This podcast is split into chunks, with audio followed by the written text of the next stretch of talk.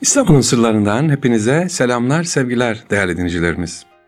Erkam Radyomuzun vefakar dinleyicileri. Yayınımızın size ulaşmasına emeğe geçen tüm kardeşlerimiz adına hepinizi selamlıyoruz efendim. Onlardan da ve siz dinleyenlerden de Allah razı olsun inşallah. Sevgili dinciler bugün Osmanlı padişahlarından, Osmanlı tarihinden ilginç hikayeler ve anekdotlar sizlere aktarmak istiyorum. Bakalım aklımızda neler kalmış.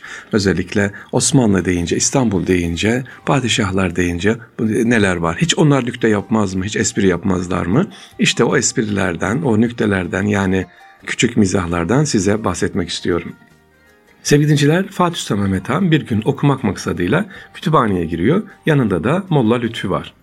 Raftaki bir kitabı işaret eden Fatih Sultan Mehmet Han, Molla Lütfü'den bunu indirmesini istemiş.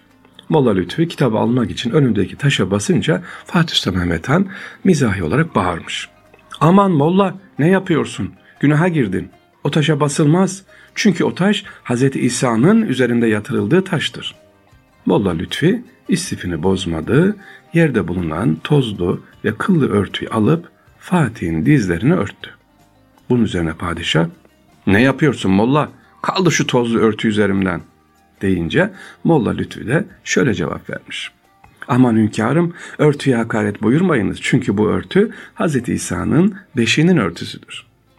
Evet sevgiliciler padişahlar da espri yapar onlar da mizah yaparlar yere geldiğinde. Ee, başka sevgiliciler kimler var? Osmanlı padişahlarından, Osmanlı tarihinden baktığımız zaman bizlerin e, hep bize anlatılan böyle sert bir padişah hayır değil.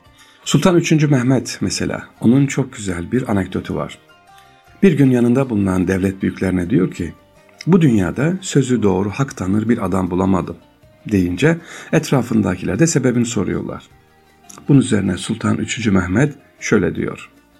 Şeyhülislam Bostanzade Efendi itifat ettim, derhal cahil bir kardeşini Rumeli kazeskeri yaptı. Yine cahil bir gence rica ile Selanik kadılığını verdirdi.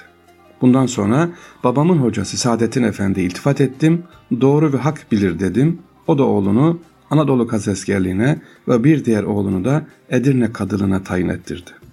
İşte görüyorsunuz ya ben artık kime güveneyim?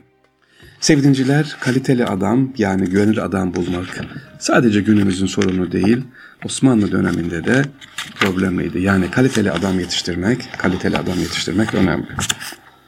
Evet sevgiliciler başka 3. Ahmet'in bir öğütü var. Patron Halil isyanı sonunda 3. Ahmet tahtından indirilmiş ve damat Nevşehir İbrahim Paşa ile birlikte feci şekilde e, öldürtülmüştü. 3. Ahmet damadını boğdurup asilere teslim etmesine rağmen isyan gene de son bulmamıştı. Devlet adamlarına isyanın neden hala sönmediğini soran 3. Ahmet'e vezirler şöyle diyorlar. Sultanım, siz saltanattan çekilmedikçe bu fitne bitmez. Bu sözlerden sonra Sultan Ahmet Şehzade Mahmud'u dairesinin eliyle çıkardı ve tahta oturduktan sonra şöyle dedi. Şu önemli tavsiyeyi sundu. Sakın ola padişah olunca vezirine teslim olma. Her işi kendin yapmaya çalış ve vezirlerinde uzun müddet aynı mevkide tutma. Merhamet sahibi ol. Tarihimizden ibret al. Senin baban devlet işlerini Feyzullah Efendi'ye, ben de İbrahim Paşa'ya bıraktığım için başımıza bunlar geldi. Sen bizzat idare ele al, dedi. Bu da padişahların ibretli sözlerinden efendim bizlere aklımıza kalacak ya da idarecilere verilecek önemli mesajlardan bir tanesi.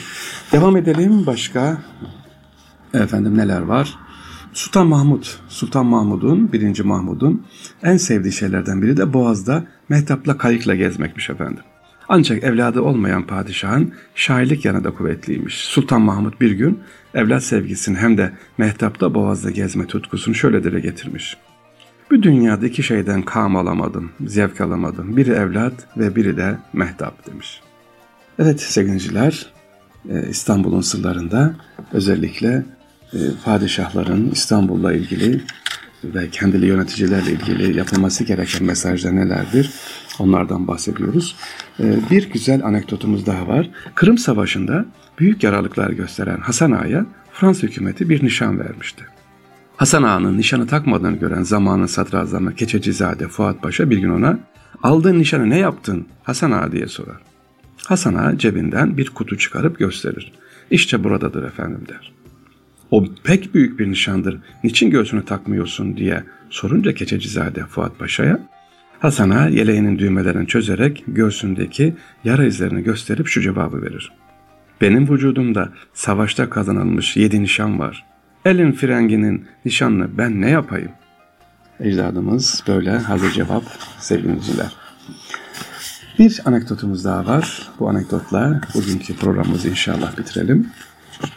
Değerli dinleyiciler dediğimiz gibi e, hem o dönemin insanları hazır cevap hem de e, verilen mesajlarda bize günümüzde mesajları veriyorlar. Yeni Osmanlılar hani e, odan önce yani Jön Türkler var ya sevgiliciler yeni Osmanlılar Fransa'da bir yemek davet verirler. Bu davete Fransız dostlarını da çağırırlar. Sofrada yemekten sonra nutuklar atılır, konuşmalar yapılır. Fransızlar milli marşlarını Marseillez'i söylemişler bu yemek sırasında. Sonra da Osmanlılar hitaben sahi ya sizin de milli marşını söyleyin dinleyelim demişler. Bizim Jön Türkler yani yeni Osmanlılar şaşırmışlar. Birbirlerinin yüzlerine bakmışlar. Ne söyleyecekler? Milli marşımız var ki. Hep bir ağızdan söylenecek bir şey de bilmiyorlar. Zor bir durum. İşte tam bu sırada işlerinden Mehmet Bey ayağa kalkıp efendim Itri'nin beslemiş olduğu tekbiri dinle, söylemeye başlar. Allahu Ekber, Allahu Ekber, Allahu Ekber, La ilahe illallahu, Allahu Ekber, Allahu Ekber ve lillahil hamd. Evet, bunu duyunca diğerler de katılmış ve salon Allahu Ekber, Allahu Ekber tekbirleriyle e, dolmuş efendim. Fransız misafirler Itri'nin bu eşsiz bestesini zevkle dinledikten sonra bir daha tekrar edilmesini rica etmişler. Sofrada bulunan Azeryen Efendi şöyle anlatıyor. Bana da işaret ettiler, kalktım, bilir bilmez koroya katıldım. Bu tekbir içimde öyle bir tesir bıraktı ki hala unutamıyorum diyor sevgiliciler. Evet bizim tekbirimiz demek ki e, o dönemde Jön Türkler tarafından milli marş olarak da dile getirmiş. İstanbul'un sırlarında anekdotlardan bahsettik kısaca sevgiliciler. İnşallah başka bir programda tekrar görüşmek üzere. Allah'a emanet olunuz. Huzurunuz daim olsun efendim. Esselamu Aleyküm ve Rahmetullah.